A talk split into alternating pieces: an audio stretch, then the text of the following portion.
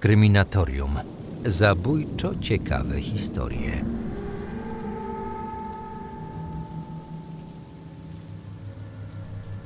Najgłośniejsza polska sprawa niewyjaśnionego zaginięcia. 19-letnia dziewczyna w 2010 roku zapadła się pod ziemię. O tym zdarzeniu mówiły wszystkie ogólnokrajowe media, jednak do dziś nie wiemy, co stało się z zaginioną Iwoną Wieczorek. Iwona mieszkała wraz z matką oraz ojczymem w Gdańsku w dzielnicy Przymorze. W chwili zaginięcia miała jedynie 19 lat. Kilka miesięcy wcześniej napisała maturę i planowała iść na studia. Uczelnia, na którą złożyła papiery, to Akademia Marynarki Wojennej w Gdyni, a kierunek, który wybrała, to stosunki międzynarodowe. Pięć dni po zaginięciu przyszedł list z decyzją o przyjęciu na studia. Iwona nie zdążyła go jednak przeczytać. 16 lipca 2010 roku Iwona planuje wyjść na imprezę. Około godziny 18 dzwoni do swojej matki, mówiąc, że za chwilę wychodzi do koleżanki, u której będą przygotowywać się do zabawy. Nastolatka nie wiedziała jeszcze wtedy, czy wróci na noc do domu. Wspomniała matce, że może zostać u koleżanki. Jakiś czas później do dziewczyn dołączają znajomi, kilka lat starsi od nich mężczyźni Adrian, Marek i Paweł. Iwona zna ich od jakiegoś miesiąca. Około godziny 22 cała piątka wsiada do srebrnej Toyota Avensis należącej do Pawła i jadą na działkę jego babci przy ulicy Reja. Po drodze kupują alkohol. Był to tak zwany before przed późniejszą imprezą w sopockim klubie. Iwona na działkach wypiła około ćwierć litra wódki. Jeszcze przed wyjazdem na imprezę napisała SMS-a do swojej znajomej, że jest już pijana. Młodzież opuszcza działki około północy. Taksówka wiezie ich na imprezę do jednego z najlepszych miejsc w Trójmieście Dream Club w Krzywym Domku. Wstęp dozwolony jest tam od 21 lat, więc 19-letnia Iwona oraz młodsza od niej koleżanka Adria nie powinny zostać wpuszczone. Jednak Paweł, jeden z przebywających z nimi mężczyzn, zna dobrze ochroniarzy w klubie, więc weszli bez problemu i to nawet bez kolejki. Nikt nie zwrócił uwagi na wiek młodych dziewczyn. Iwona trzy miesiące wcześniej rozstała się z chłopakiem, Patrykiem. W noc zaginięcia dostaje SMS-a od koleżanki. Dowiaduje się z niego, że w gdańskim klubie Banana Beach jej były chłopak przebywa w towarzystwie dwóch dziewczyn. Ta informacja zdenerwowała Iwonę. W dodatku pokłóciła się z koleżanką Adrią, z którą przebywała na imprezie. Powodem konfliktu prawdopodobnie była zazdrość o jednego z chłopaków, z którymi się bawiły. Jednak w późniejszych relacjach znajomi Iwony nie potrafili lub nie chcieli opowiedzieć o dokładnych przyczynach sprzeczki. Konflikt okazał się jednak na tyle poważny, że Iwona wyszła samotnie z klubu. Bez pieniędzy skierowała się w stronę swojego domu, oddalonego około 6 kilometrów. Po drodze zarejestrowało ją kilka kamer monitoringu. Dziewczyna szła na bosaka, w ręce trzymała swoje buty. Kieruje się w stronę plaży. Jej znajomi próbują się z nią skontaktować. Dzwonią, wysyłają SMS-y. Bateria w telefonie Iwony była na wyczerpaniu i o 3.49 sygnał z jej komórki znika. Jednak przedtem rozmawiała jeszcze z Adrią. Dziewczyny znowu się kłóciły. Koleżanka miała rzeczy należące do Iwony, m.in. klucze do jej mieszkania. Dziewczyny umówiły się, że Adria zostawi rzeczy na balkonie. Jej mieszkanie znajdowało się na parterze obok bloku Iwony. Podczas ostatniej rozmowy telefonicznej z Adrią, Iwona powiedziała, że jest przy trzecim zejściu na plażę od Sopockiego Mola. Były to okolice tak zwanego chińskiego hotelu i nieopodal tego miejsca po raz ostatni logował się telefon zaginionej dziewczyny. W tym czasie Adria była już blisko swojego bloku. Do domu wróciła taksówką. Gdyby nie doszło do kłótni i Iwona nie wyszłaby z lokalu, dziewczyny na pewno wróciłyby razem. Ostatni zapis z monitoringu pochodzi z godziny 4.12 i to nagranie wzbudza najwięcej kontrowersji. Widzimy na nim idącą nadmorską ścieżką Iwonę, a tuż za nią podąża niezidentyfikowany człowiek, który w mediach znany jest jako mężczyzna z ręcznikiem. Całkiem możliwe, że jest to ostatnia osoba, która widziała dziewczynę przed zaginięciem. Zapis pochodzi z kamery przy zejściu na plażę numer 63. tuż obok parku Regana. Iwona z tego miejsca miała do domu nieco ponad 2 kilometry. Niedaleko znajdowała się kolejna kamera, jednak nie była wtedy sprawna. W przeciwnym wypadku wiedzielibyśmy na pewno, czy dziewczyna wybrała dłuższą drogę, czy poszła na skróty przez park Regana. Wybór krótszej drogi przez Iwonę wydaje się być bardziej prawdopodobny. Zarówno były chłopak oraz jej koleżanka przyznali, że dziewiętnastolatka poszłaby skrótem. Alternatywą byłaby nieco dłuższa trasa, ale również troszeczkę bardziej bezpieczna.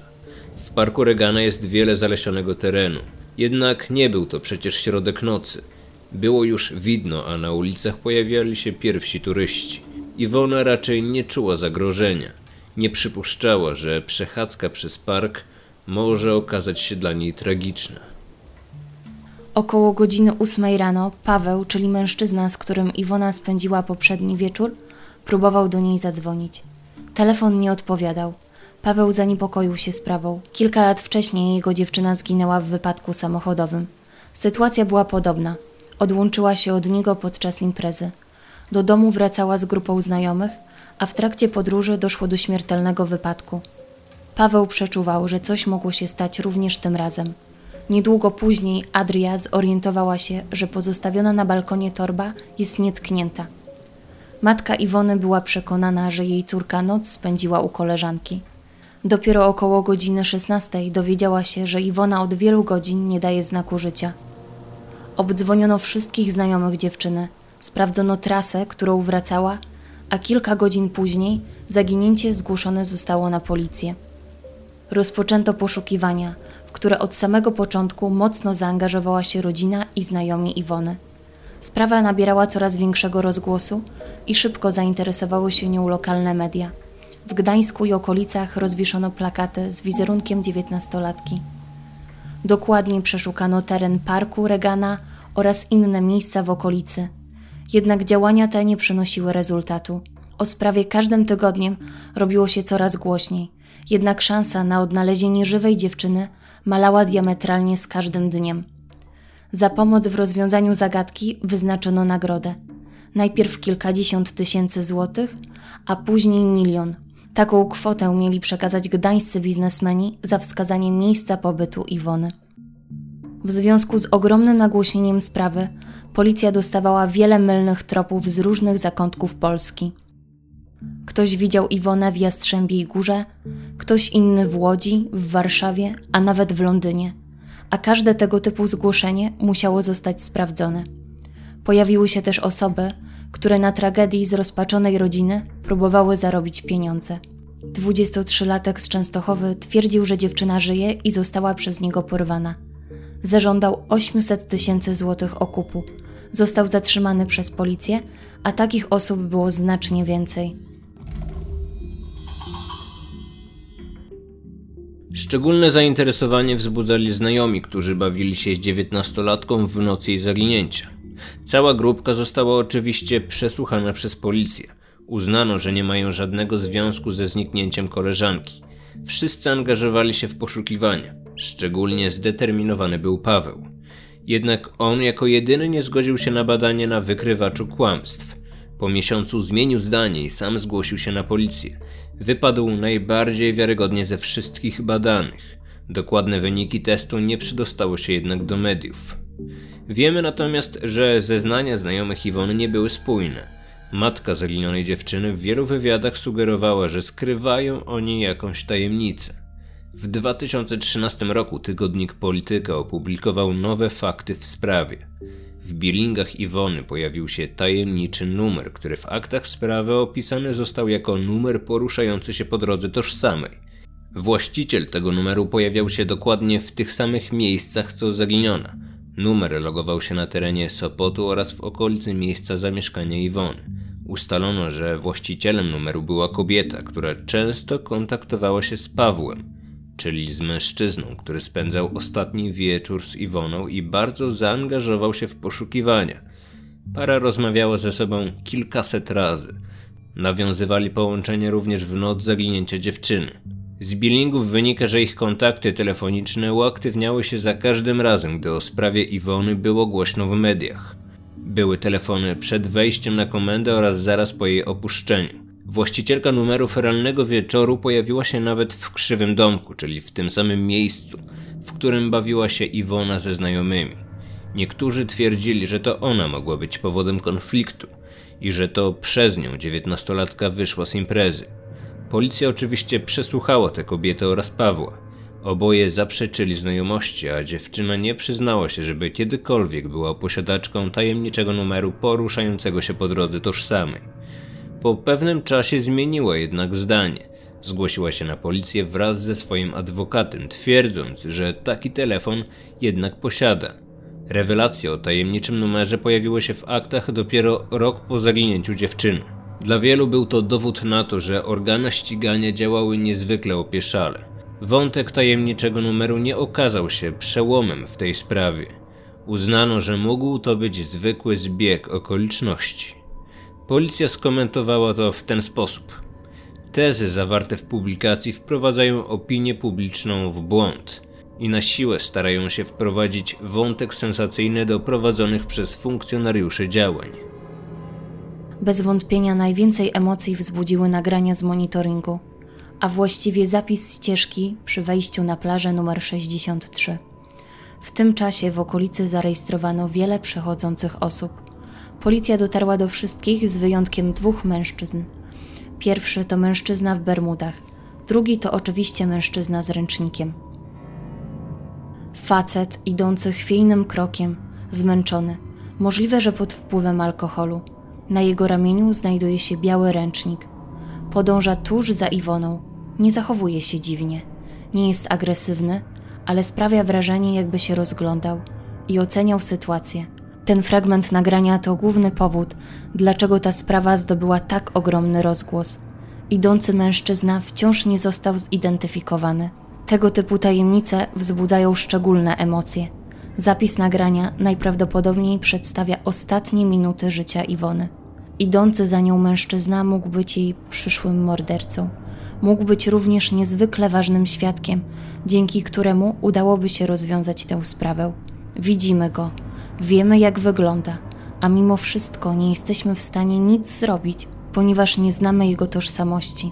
W sprawę zaginięcia Iwony zaangażował się również on, czyli nasz polski detektyw celebryta. Zespół Rutkowskiego wykonał szkice twarzy i sylwetki poszukiwanego mężczyzny. Jest wysoki, około 1,90 m wzrostu. Mógł mieć około 35 lat. Wiele osób przekonanych jest, że ten mężczyzna jest kluczem do rozwiązania zagadki. Niestety, pomimo nagrań i portretu pamięciowego, wciąż nie udało się ustalić jego tożsamości. Sprawa Iwony była tak bardzo nagłośniona w polskich mediach, że ten człowiek na pewno musiał o tym słyszeć. Jednak mimo wszystko nie zgłosił się na policję. Musi mieć jakiś powód. Nie jest podejrzany w tej sprawie. Policja poszukuje go jako świadka. Kilkanaście dni po zaginięciu dziewczyny w pobliżu miejsca, w którym widziano ją po raz ostatni, odnaleziono biały ręcznik z napisem Bogatynia. Od razu połączono to z tajemniczym mężczyzną, który podobny ręcznik miał przerzucony przez ramię. Posiadał wiele cech wspólnych: długość, kolor i znaleziono go w rowie przy uliczce, w którą mogła skręcić Iwona. Nie zabezpieczono jednak na nim śladów biologicznych zaginionej dziewczyny. Były tam natomiast ślady dwóch innych kobiet. Do dziś nie ustalono, czy był to ręcznik, który na nagraniu niósł tajemniczy mężczyzna. Całkiem możliwe, że był to tylko zbieg okoliczności i znalezisko nie miało żadnego związku ze sprawą Iwony. Rok po tajemniczym zniknięciu przesłuchano pracownika firmy sprzątającej, który podobno widział Iwonę. Zwróciłem na nią uwagę, bo była ładna. Pamiętam, że w ręku niosła buty. Żartowaliśmy nawet, że ładna dziewczyna i fajnie byłoby ją poderwać. Minęliśmy ją, a ona siedziała na ławce z tym mężczyzną z ręcznikiem, którego pokazywali w telewizji. Potem, gdy jechaliśmy dalej w kierunku Brzeźna, a jechałem wolno, jakieś 5 km na godzinę, to ona nas minęła. Nawet dwukrotnie, gdyż co chwilę się zatrzymywaliśmy, aby na przykład opróżnić kosze. Początkowo mężczyzna z ręcznikiem miał iść z dziewczyną, ale później ta oddzieliła się od niego i skręciła w jedną z alejek parku Regana przy zejściu na plażę numer 58. Świadek zeznał, że Iwona weszła do parku sama. Mężczyzna z ręcznikiem odszedł. Pozostałe dwie osoby z ekipy sprzątającej zaprzeczyły, aby widziały wtedy samotnie idącą dziewczynę. Ta wersja zdarzeń nie została więc oficjalnie potwierdzona. Według innego świadka mężczyzna z ręcznikiem bawił się w tym samym klubie co Iwon. Stefania W. w nocy zaginięcia sprzedawała kwiaty pod krzywym domkiem. Około godziny trzeciej nad ranem zauważyła wychodzącą na zewnątrz grupkę osób. Wśród nich była Iwona Wieczorek. W ich pobliżu stało trzech mężczyzn. Jeden z nich zwrócił szczególną uwagę kobiety. Widać było, że pożąda Iwony. Intensywnie wpatrywał się w nią, ale nie słyszałam, aby się do niej odezwał. Według mnie zachowywał się dziwnie i może mieć związek z jej zniknięciem. Mam wrażenie, że ten pan ręcznik na okazanych mi fotografiach to ten sam, którego widziałam pod krzywym domkiem w Sopocie.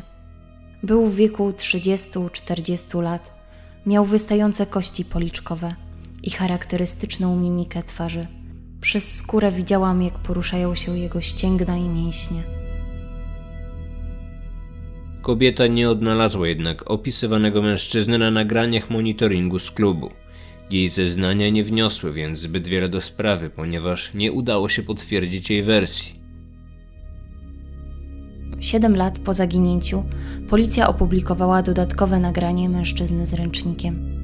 Widzimy go wychodzącego z imprezy. Ten zapis również jest niewyraźny, ale pojawiła się szansa na to, że może zgłosi się nowy świadek, który widział go podczas wspólnej zabawy w tym miejscu. Od zdarzenia minęło jednak tak wiele czasu, że graniczyłoby to z cudem. W lipcu 2016 roku gazeta Reporter przeprowadziła dziennikarskie śledztwo, a jego wyniki zgłoszone zostały na policję. Dziennikarze wskazali ewentualne miejsce ukrycia zwłok, a także sprawców zbrodni. Ciało miało zostać zakopane na terenie działek przy ulicy Hellera w Gdańsku. Funkcjonariusze przyjęli zgłoszenie i przeszukali to miejsce. Zwłok jednak nie znaleziono. Redaktorzy czasopisma przekonani są jednak, że policja przeszukała teren niedokładnie, a trop, który podsunęli, jest bardzo wiarygodny.